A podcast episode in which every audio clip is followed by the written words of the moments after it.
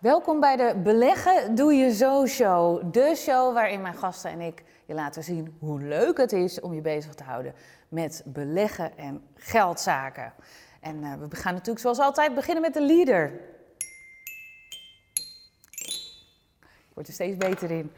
Um, dit wordt echt een hele leuke show, want ook vandaag heb ik weer twee super interessante gasten voor je. En we gaan het hebben over vastgoed en beleggen op de beurs. Komt er nou een crisis aan, ja of nee?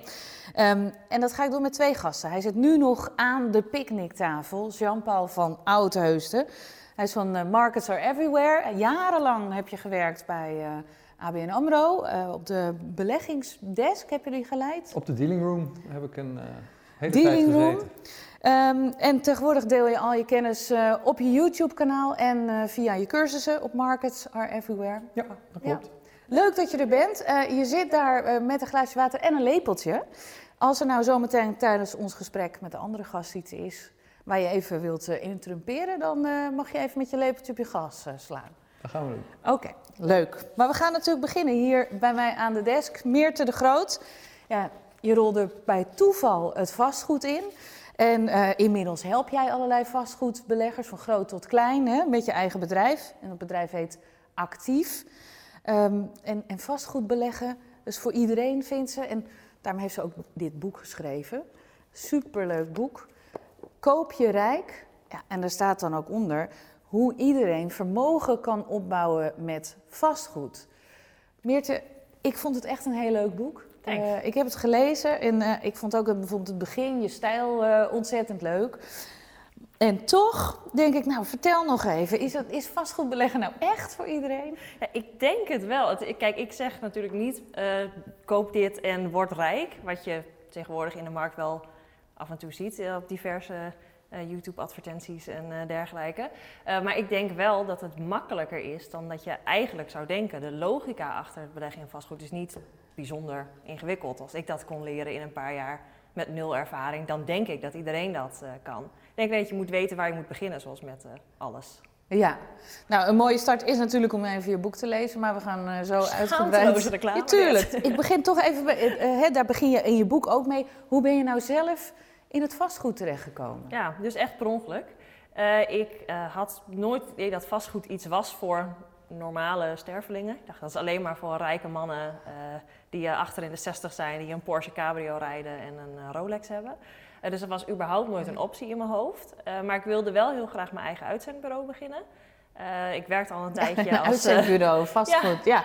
Daarom, lekker bruggetje. Nee, en uh, ik wilde dus graag een kantoor huren. en ik had bedacht dat ik in een winkelcentrum wilde zitten. Want ik dacht, dat leek me een goede plek. Als daar overdag veel mensen lopen door de week, dan zoeken ze misschien wel een baan.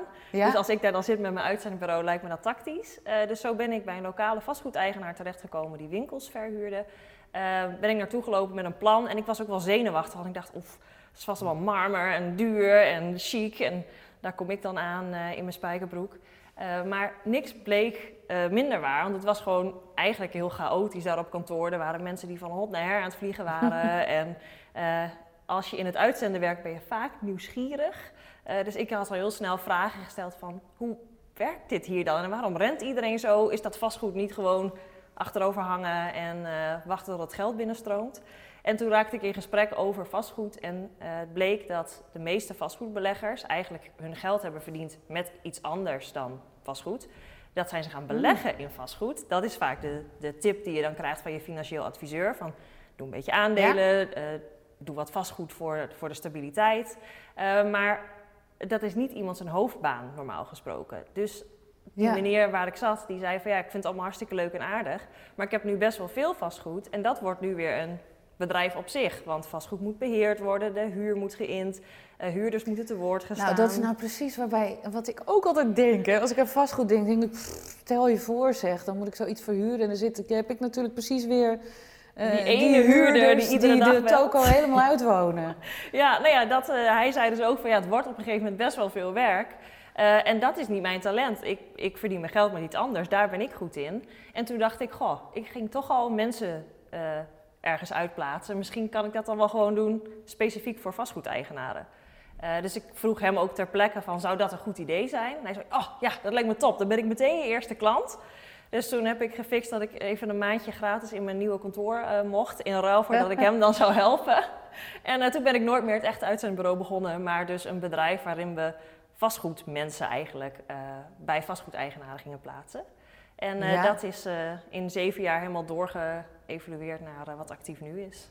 Goh, wat grappig. Ja, dus ik wist er precies dus, niks van toen ik eraan begon. Nee, dus je deed eigenlijk ook een soort van, uh, toch een soort uitzendbureau. Want je levert dan personeel die allerlei werk uit de handen neemt van vastgoedbeleggers. Ja.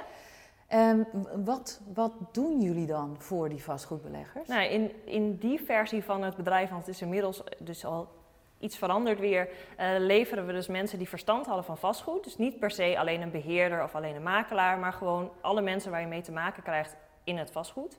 Ja. Uh, zodat die vastgoedeigenaar alleen maar ons hoefde te bellen en wij regelden het wel. Dat was ook een beetje het ding. We zeggen nu nog steeds dagelijks op kantoor, fixen we. Uh, dat deden we eigenlijk gewoon de hele tijd. Ja. En door de jaren heen merkten wij dat daar was een hele grote markt voor. Dat, er waren heel veel eigenaren die dachten, ze nemen de telefoon op, ze verhuren het. Als er wat is, fixen ze het. Als de deur afgehangen moet, dan doen we het ook. Uh, maar wij kregen ook heel veel mensen die graag wilden starten met beleggen in vastgoed. Die dus net als ik dachten, ja, dat is niet voor mij en waar leer ik dat? En die durfden niet zo snel bij een heel groot kantoor op de Zuidas naar binnen te stappen. Maar die vonden Ja. dan ons bedrijf, en misschien omdat ik zelf ook eh, jong ben en vrouw, niet per se wat je verwacht bij een eh, vastgoedbelegger, eh, durfden ze wel naar binnen te stappen. En zo ontstond het idee van, goh, misschien moeten we die hele doelgroep ook eh, gaan helpen. En eh, dat was het begin van het lidmaatschap wat we nu hebben bij, bij Actief. Dus nu helpen vastgoedbeleggers. Maakt niet meer uit of je wil beginnen of al heel Ja. ervaren bent. Ehm, je wordt lid en binnen je lidmaatschap krijg je van ons alle hulp. Dus we hebben nog steeds al die professionals. Dus die kunnen jou letterlijk de telefoon voor je opnemen of een deur afhangen. Eh, maar we hebben nu ook een heel online eh, netwerk. Dus we zijn met 3500 en een beetje volgens mij nu.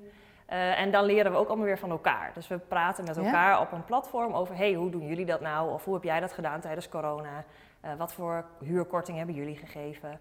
Uh, en dat netwerk faciliteren we nu ook. Daar hebben we wat online trainingen bij vanuit ons en onze partners en experts Ja. die daar allemaal verstand van hebben. Dus nog steeds alles voor vastgoed op één plek, maar dan nu ook digitaal. En hoeveel mensen werken er nu eh, bij jou? Op kantoor zijn we met 22, denk ik nu. En dan hebben we in de buitendienst nog wat klussenmensen en huismeesters en dat soort zaken. Dus best een groot team ook al wel inmiddels. En wat is je bedrijf dan snel gegroeid? Ja, niet normaal. Um, we gaan uh, zo even hebben over uh, wanneer nou het moment kwam dat jij dacht: Oh, ik ga ook zelf in vastgoed. Hè? Niet alleen anderen helpen, maar ik ga het zelf doen.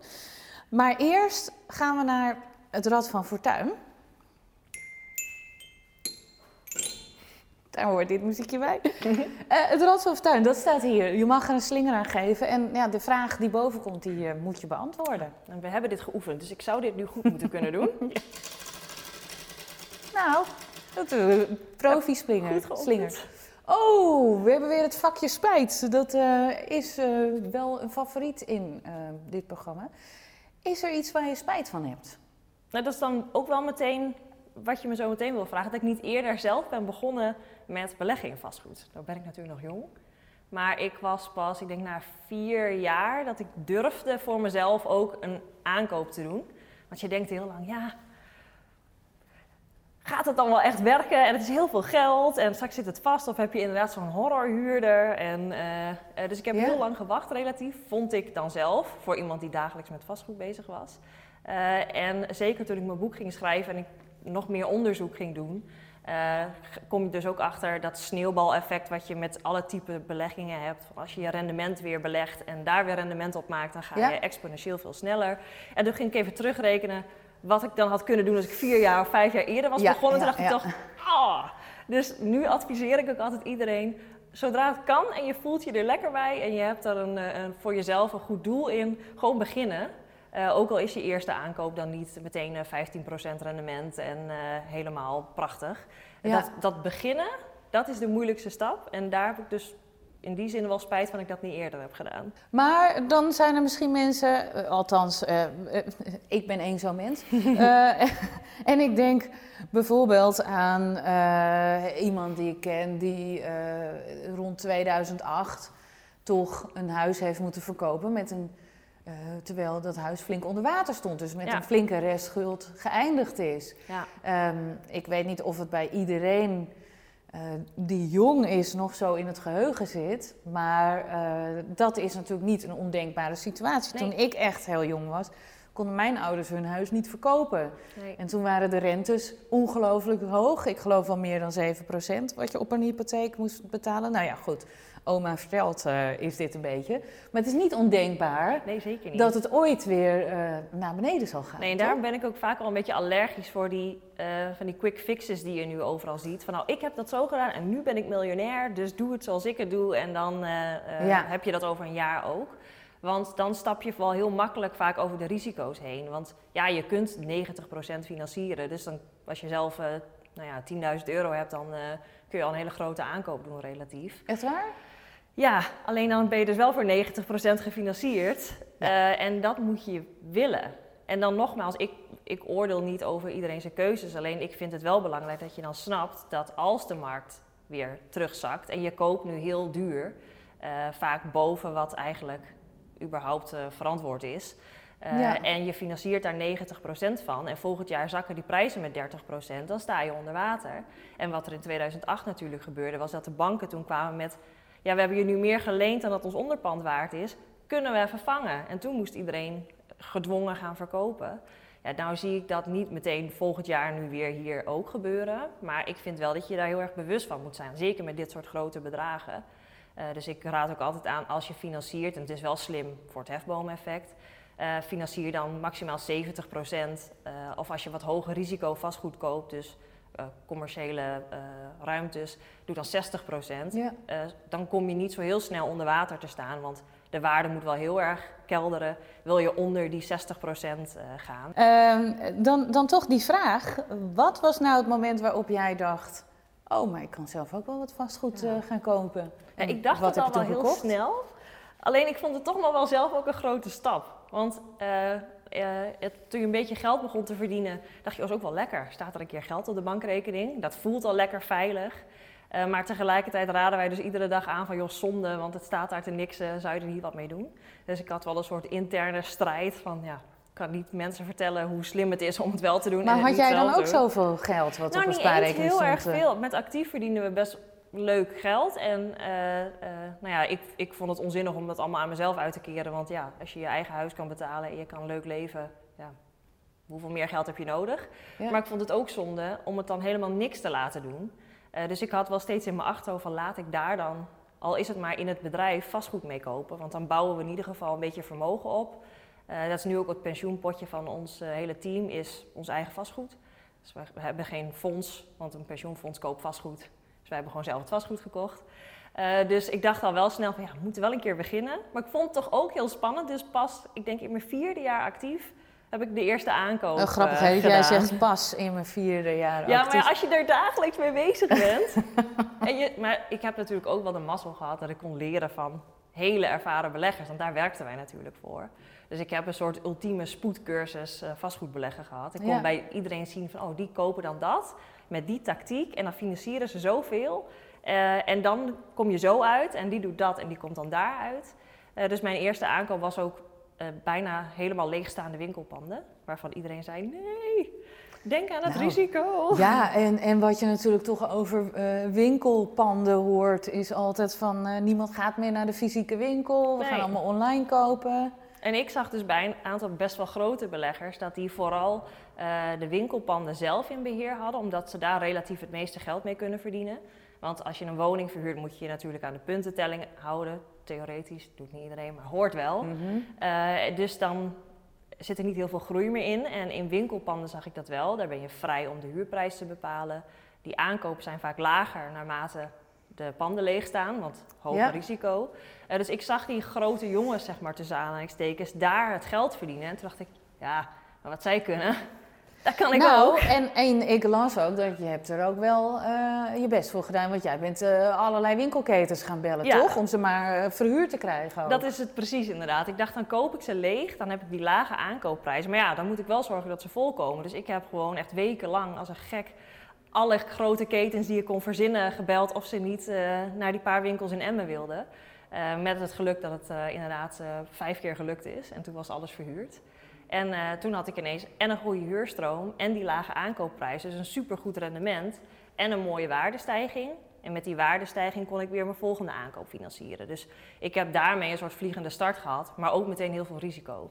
Dus als mensen zeggen, ja, moeten mensen het dan doen zoals jij het doet? Zeg ik altijd, nee, nee, doe maar niet. dat is alleen maar goed gegaan omdat het mijn dagelijks werk is. En uh, uh, ik er echt wekenlang fulltime mee bezig ben geweest. En kun je zo uit je hoofd opzommen wat je nu aan vastgoed hebt? Nou, het is nog steeds met name winkels. Uh, ik geloof nog wel heel erg in of de hele grote winkelcentra, waar het echt een dagje uitblijft, waar mensen naartoe gaan. Ik denk dat zelfs met alles wat op internet gebeurt, dat nog blijft. Dat je gezellig met de kinderen op zaterdag naar het winkelcentrum gaat, een kopje koffie drinken. En de wijkwinkelcentra geloof ik nog wel heel erg in. Dus het gemak van de bakker onderaan je flatgebouw. Uh, ja. Dus wij kiezen heel bewust voor beleggen in dat type vastgoed. net toevallig sinds vorig jaar een keer een recreatiewoning als, als uitstapje omdat ik een training ging opnemen over aankopen. Toen dacht ik, dan ga ik iets aankopen wat ik zelf ook nog nooit heb gedaan. Dus ik heb uit mijn comfortzone een recreatiewoning gekocht. Wat uiteindelijk ook ons huis werd tijdelijk, omdat ons nieuwe huis nog niet af was. dus het kwam heel goed uit. Uh, ja, en voor de rest is het nog steeds met name winkels uh, lekker tegendraads bij ons. We gaan naar ons mandje. Dat staat daar. Maar eerst moet ik weer even de leader doen. Bumper. Het mandje, dat is, uh, nou ja, je, spreiden, je kent het principe wel. Uh, niet al je eieren in één mandje. We zijn aan het beleggen of sparen of investeren voor een appeltje voor de dorst. De vrienden van de show die stoppen er steeds iets in. Dus we hebben hier pensioenbeleggen hebben we gehad. we hebben aandelen, zitten er al in. Dan hebben we hier kennis en tot slot uh, nog uh, vastgoed, dat is die banaan daar. um, je mag er van alles in stoppen, dus de keuze is aan jou. Wat zou jij nog aan ons mandje toe willen voegen? Ja, dan vraag je een vastgoedbelegger, terwijl er al vastgoed in ligt. Uh, maar ik denk dat wat wij heel vaak zeggen is doelen bepalen is het allerbelangrijkste als je gaat beleggen, vinden wij in ieder geval in vastgoed. Want je kiest je strategie heel erg, als je voor je pensioen belegt, heel anders dan als je voor direct inkomen belegt. Dus als ik het iets breder dan zo specifiek mag, dan ga ik voor je doel bepalen. Als je doel bepalen. Uh, en voelt dat voor wat jou betreft meer als nou, een mandarijn of een banaan? Als een banaan, anders krijg ik dat er nooit op. Oké, okay. ik geef je even een pen en een banaan. En dan fijn als jij het erop schrijft. Dat je doel bepalen. Eigenlijk ook een beleggingsplan dus. Ja, eigenlijk wel. Heel goed.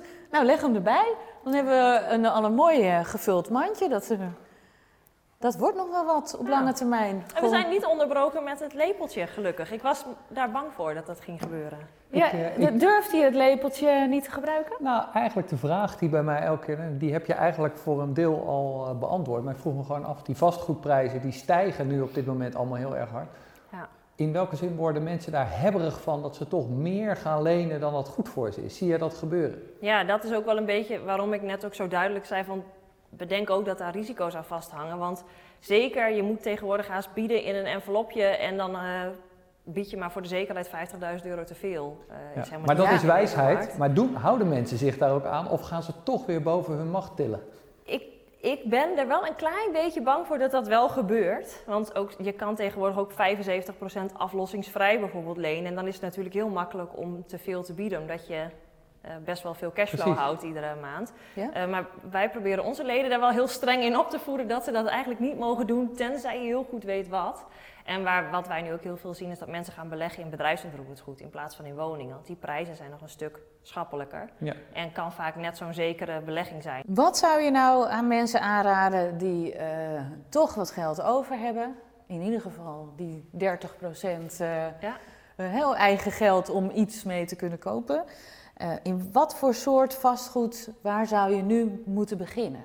Ja, dat je doel, daar hangt het heel erg mee samen, denk ik. Als je uh, iets aankoopt voor je pensioen, dus voor de hele lange termijn, kan je misschien vastgoed kopen wat relatief duur uh, is. Want je hoeft het geld pas over 30 jaar of over 20 jaar uh, te verdienen. Ja. Uh, maar als je zoiets hebt van, joh, ik wil volgend jaar een wereldreis gaan maken met mijn gezin en dan niet meer afhankelijk te hoeven zijn van een salaris, ja, dan wil je misschien iets kopen waar wat meer direct rendement in zit. Nou ja, dat is vaak hoe meer risico, hoe meer je verdient. dus daar moet je dan ook nog net even lekker bij voelen. Maar wat wij nu wel veel zien gebeuren is dus mensen die een beetje uitwijken naar bedrijfsontroerend goed. Waarvan eerst iedereen dacht, nou, we kopen gewoon een appartement, want dat kennen we en dat begrijpen we. Uh, maar ja, die prijzen die zijn zo extreem en je maakt je er niet altijd geliefd mee, ondanks dat ik dat niet per se terecht vind. Uh, zien we dus nu de tendens wel gaan naar bedrijfsontroerend goed of naar recreatievastgoed of eigenlijk alles wat niet meer wonen is. Wat niet meer wonen is. Ja. Dus dat is waarschijnlijk waar de meeste mensen nu beginnen. Dus dat zou dan ook wel het startpunt kunnen zijn? Ja, of een combinatiepand zien we nu nog wel vrij veel. Uh, dus een winkel beneden bijvoorbeeld en wel één of twee appartementen erboven. Ik geloof dat wij de afgelopen week iets van drie of vier leden hadden die zo'n type aankoop uh, hebben gedaan. Want dan voelt het nog wel een beetje veilig met wat wonen erboven. Ja. Uh, en als dan het een leeg staat, kan je het vaak met het ander wel weer opvangen. Alleen ja, dan heb je het vaak niet meer over dat je dan met 10.000 euro kan beginnen. Leuk. Nou, en natuurlijk de tip die we al gegeven hebben, uh, even het boek lezen voordat je start. Dat is een heel goed begin, ja, al zeg ik het zelf. Een heel goed boek. en uh, dan hebben we nog iets leuks. We mogen ook uh, drie keer dit boek weggeven. Dus wil jij kans maken op dit boek, laat dan hieronder in de comments even achter waarom jij juist dit boek wilt lezen. En dan nemen we, nou ik denk binnen een maand contact met je op. Dus dat zal uh, voor eind november dan zijn. En eh, als je dan nog geen bericht hebt, dan heb je het boek niet gewonnen en anders wel. dus laat vooral wat achter. en we hebben natuurlijk nog iets, althans jij hebt nog iets. Want we hadden het net over actief.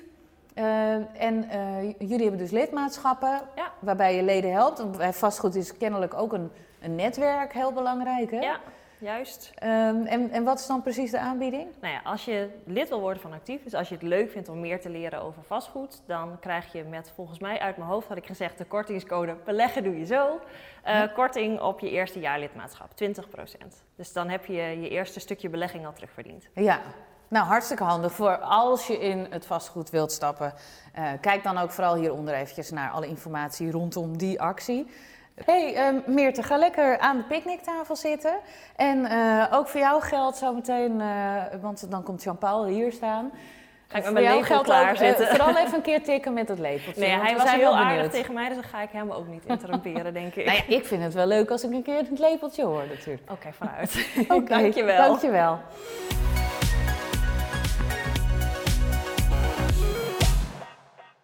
Welkom Jean-Paul hier aan de desk. Leuk dat je er bent. Is er nog iets anders van meer terwijl je nog even op wilt reageren? Nee, ik vond het een heel leuk verhaal te horen. Ja, nou voor de mensen die het niet weten, uh, jij hebt jarenlang bij grootbanken gewerkt, eigenlijk vooral bij ABN AMRO hè?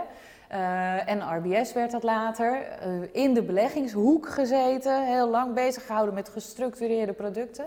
Wat zijn dat precies? Ah, dat is een moeilijk woord, maar ik heb me bezig gehouden met beleggingen voor particulieren met name. En het is wel leuk als je aanhaakt op, uh, op het vastgoedbeleggen van Meerte. Kijk, ik was naar een afdeling op de dealing room gegaan, uh, begin, net na de jaren 2000. En toen ging die beurs zo heel hard naar beneden. Nou, ja, dan zit je daar en dan moet je particuliere beleggers bedienen, maar die wilden allemaal niet meer beleggen. Ja. En toen op een gegeven moment, 2002, 2003, toen waren eigenlijk de eerste die zeiden van, joh, toen stond die rente ook zo laag. Ja, want toen waren, maar net zo laag als nu? Ja, want toen was die, helaas die, die ramp geweest in het World Trade Center. Toen had uh, president Bush die rente ook bijna naar nul gebracht. En toen had ik dus klanten en die zeiden, nou, ik wil wel weer in aandelen gaan beleggen. Maar niet meer zoals eerst, want die kwamen dus ook onder water te staan met hun beleggingen. En toen hebben wij een kleine aanpassing gemaakt, een beleggingsproduct gemaakt met een stop los erin. Zodat mensen nooit meer kwijt konden raken dan hun inleg. En toen durfde een voorhoede, in 2003 praat je dan over, weer in aandelen te gaan beleggen. Ja, toen hebben we vier jaar lang op rij zo'n beurs gehad. Ja. Dus dat was feest. Inmiddels uh, heb jij je eigen bedrijf en uh, je bent bezig op een YouTube-kanaal, Markets Are Everywhere. Ja. Daar maak je heel veel video's over allerlei onderwerpen van uh, beleggen. Ja. Hartstikke leuk. en je maakt ook cursussen over beleggen. En hoe zit het verder? Beleg je nou ook zelf? Ik beleg zeker zelf, want dat heb ik al die jaren dat ik in dienst was, mocht dat eigenlijk niet. Of maar, ja, dan moest je het zes maanden aanhouden of zo. Ja, dat kan je ook niet echt. Ja. Uh, dus ik heb altijd wel belegd voor de hele lange termijn. Uh, maar nu heb ik alle vrijheid om dat uh, zelf te doen. Ja, en dit is ook zo'n idee. Ik, ik loop daar eigenlijk al heel lang mee rond. dat ik dat wilde doen. Maar ja, ik had altijd andere opdrachten of ander werk. En vorig jaar moest het er maar eens van komen. En dat Markets Are Everywhere, dat is eigenlijk een, een soort knipoog. Ik heb heel veel particuliere beleggingsportefeuilles gezien. En je ziet altijd Royal Dutch Shell en ING. Die zitten er altijd overal in. En er is zoveel meer. Dus het is een beetje met het idee van kijk nou eens wat verder dan je neus lang is. En uh, nou, dat vind ik heel leuk. Dus, uh... Oh, het Rad van Fortuin. We hebben het Rad van Fortuin, je mag er een slinger aan geven. Uh, het ding stelt hele enge vragen en ja, waar die stil blijft staan, daar moet je antwoord op geven. Nou, daar gaan we. Oh, dat is een mooie slinger. Tip aan je jongere ik. Ja, de tip voor jonge mensen, want zo leg ik dat dan maar uit als ik nu zelf jong zou zijn. En dat, dat is misschien, klinkt het een beetje controversieel, maar het probleem van, van jonge mensen vaak is dat als ze gaan beleggen, dan hebben ze niet zoveel geld. En uh, de, de tip is als je jong bent, dat je dan toch, indien de mogelijkheid er is, je ouders of je grootouders aankijkt en om te vragen of ze een schenking of een donatie willen doen, dat je gewoon al op jongere leeftijd met iets meer geld kan beginnen. Daar zijn in Amerika ook onderzoeken naar gedaan. En als je maar met een hele lange horizon belegt, dan gaat dat over het algemeen wel goed. En dat is juist een goed idee als je heel jong bent. Dat past eigenlijk ook weer bij uh, wat Ik voelde al een soort labelachtig moment opkomen. Maar... maar je durfde het weer niet. Oh doet hij het wel? Wacht. Ja, ja hij, hij, doet het. Hij doet het wel, ja. Nou, zie je? Maar goed, wou je toch iets zeggen? Nou ja, ik, ik dacht inderdaad, wanneer moet je dan daarmee beginnen? Want met vastgoed maakt dat iets minder uit. Ja, hoe eerder, hoe beter, want je, je uh, sneeuwbaleffect gaat dan heel goed. Is er bij jouw type beleggen dan een perfect moment? Nou, je hebt uh, uh, zeg maar twee afslagen daarin. Kijk, um, ik zou zeggen, eigenlijk zou het mooiste zijn uh, vroeger dan openden ouders of grootouders een spaarrekening voor een kind. Maar ja, bij deze rente. En dan ook nog ja. een keer de inflatie van 3, 4, 5 procent eroverheen. Dat is echt niet zo'n goed idee. Dat is trouwens lachen. Als je gewoon bij een, een, een, bank kijkt, dan hebben ze nog een groeirekening. Dan krijg je 0,01% rente. Dan moet de marketingafdeling de folder nog even aanpassen, denk ik. Dus uh, het is natuurlijk leuk als je nog in de wieg ligt, bij wijze van spreken, dat er al een kapitaaltje voor je gaat werken vanwege het rente-op-rente effect. Maar dat is wel heel nadrukkelijk een potje waar je gewoon echt niet aan moet komen. Dan moet je ook niks actiefs, niet moeilijk. Gewoon zoals jij het eigenlijk met je cursus, super simpel beleggen doet. Die portefeuille, ja, of iets wat daarop lijkt, wegleggen en niet meer naar kijken.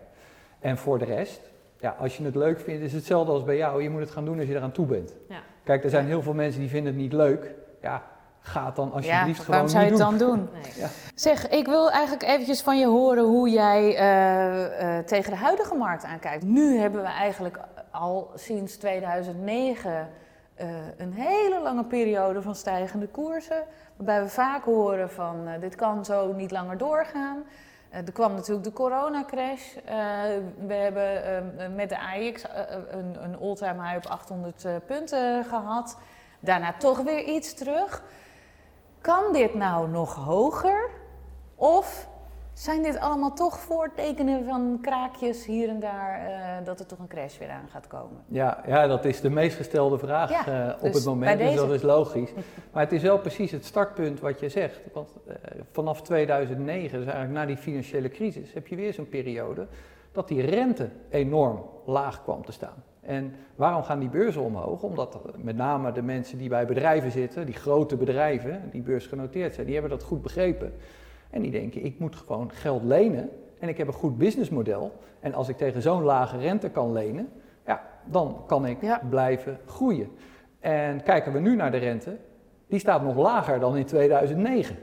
Dus ook al voelt het erg ongemakkelijk aan dat je denkt, het kan, ik gebruik eigenlijk altijd het voorbeeld van zeg maar, de grote big tech bedrijven. Dus als je er eentje uitpakt, dat is dus geen beleggingsadvies van je moet die aandelen nou kopen. Maar als je naar Amazon kijkt, die hebben in het tweede kwartaal meer dan 100 miljard dollar winst gemaakt in één kwartaal. Ja. Nou, dat je denkt, ja, die kunnen alles doen wat ze willen. Die hebben toch nog in mei 18 miljard dollar geleend. Geleend. Ja? En dat hebben ze dan gedaan uh, in acht tranches van 2 jaar tot 40 jaar. Twee jaar betalen ze 0,25% rente. Ja? En voor 40 jaar betalen ze geloof ik 3,5, zoiets. Ze groeien elk jaar voorlopig met 30%. Ze hebben een winstmarge van meer dan 50%. Ja, weet je, als ik dan mijn volgende euro nu op een spaarrekening moet zetten of in zoiets moet stoppen. En nogmaals, neem dit nou niet aan van je moet nu dit aandeel kopen, want dit is toevallig wel een hele dure. Zolang de machine uh, draait, uh, kan dat goed gaan. Waar we, waar we alleen met z'n allen eigenlijk op zitten te wachten, is dat die overheden, die hebben enorme schulden gemaakt. Ja. Als je Joe Biden neemt, die moet eigenlijk uh, bekend staan bij bureau kredietregistratie. en dan zeggen ze van, joh Joe, je mag even niet meer lenen. Daar zitten ze nu toevallig ook met dat plafond. Ja, je allemaal geëmmer over. Ja. Dat gaan we weer veel te veel horen. Maar ja, uh, zolang het, de rente laag is, kunnen bedrijven die daar toegang toe hebben nog steeds groeien. Ja, de beurs kan op het sentiment op een gegeven moment best wel een keer een flinke tik krijgen. Maar je ziet nu eigenlijk al de hele tijd mensen die dan instappen, die denken, oh, dan kan ik ze nou toch nog kopen. Ja, ja, ja. ja dus. dus. en, dus, en denk jij dat dat nog wel even aanhoudt? Want een van die drijvers dus achter die stijgende koersen is die lage rente, zeg je net. Ja. Blijft die rente nog heel lang zo laag? Nou ja, daar, daar zitten we dus nu voor de mensen die het actief volgen, elke dag naar te kijken. Uh, we hebben een hele tijd gehad dat we dachten van nou, dan komt de inflatie en dan gaat de rente omhoog. Ja, ik denk zelf dat we uh, overschatten hoeveel economische groei dat eraan zit te komen. Je hebt nu op korte termijn best wel veel groei. Hè? Uh, consumentenbestedingen van mensen die uh, coronasteun hebben gehad. Ik weet dat dat voor sommige mensen ook heel raar klinkt. Want die denken, ik kan bijna met mijn bedrijf het hoofd niet boven water houden. Maar uh, er zijn toch bijvoorbeeld in Amerika hebben ze gewoon een cheque gekregen. Die kunnen ze uitgeven, maar dat is dadelijk weg. Ja. Uh, nou ja, er zal toch een keer belasting moeten worden verhoogd. Ja, overal ter wereld, alhoewel politici dat niet durven.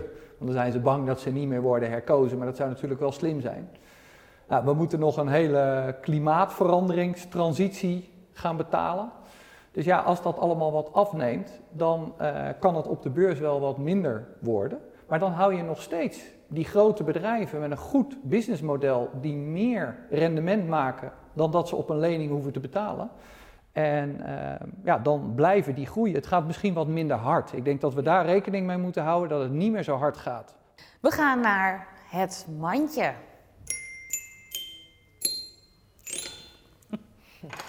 Blijft leuk.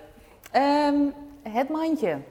Er zit al van alles en nog wat in. Je hebt het net uh, kunnen meemaken. Hè? Pensioenbeleggen, aandelen, vastgoed. Doel bepalen heeft Meerte er net ingestoken. Uh, kennis zit erin. Wat zou jij aan het mandje willen toevoegen? Ik ga dan toch, wat ik eerder al gezegd heb, en ik steek hem in, een, een cadeau voor je kind of voor je kleinkind. En dan bedoel ik natuurlijk een beleggingscadeau. Ja. Er zijn heel veel mensen die staan nu als beleggers, of het nou op de beurs is of met vastgoed, op heel veel winst. En denk dan eens een keer niet alleen aan je eigen pensioen of dingen, maar... Ja, en uh, misschien ook slim om dan even te kijken van hoe je dat ook nog fiscaal gunstig kan schenken. Want dat zijn ook nog leuke regelingen. Precies. wat gaan we doen, banaan ja, of mandarijn? Nee, die mandarijn, uh, ook al krijg ik het daar niet op, maar daar moet kleur in. Hè. Het is natuurlijk een beetje diversificatie. Beetje kleur, heel goed. Dus we doen de mandarijn. Nou, schrijf er maar op.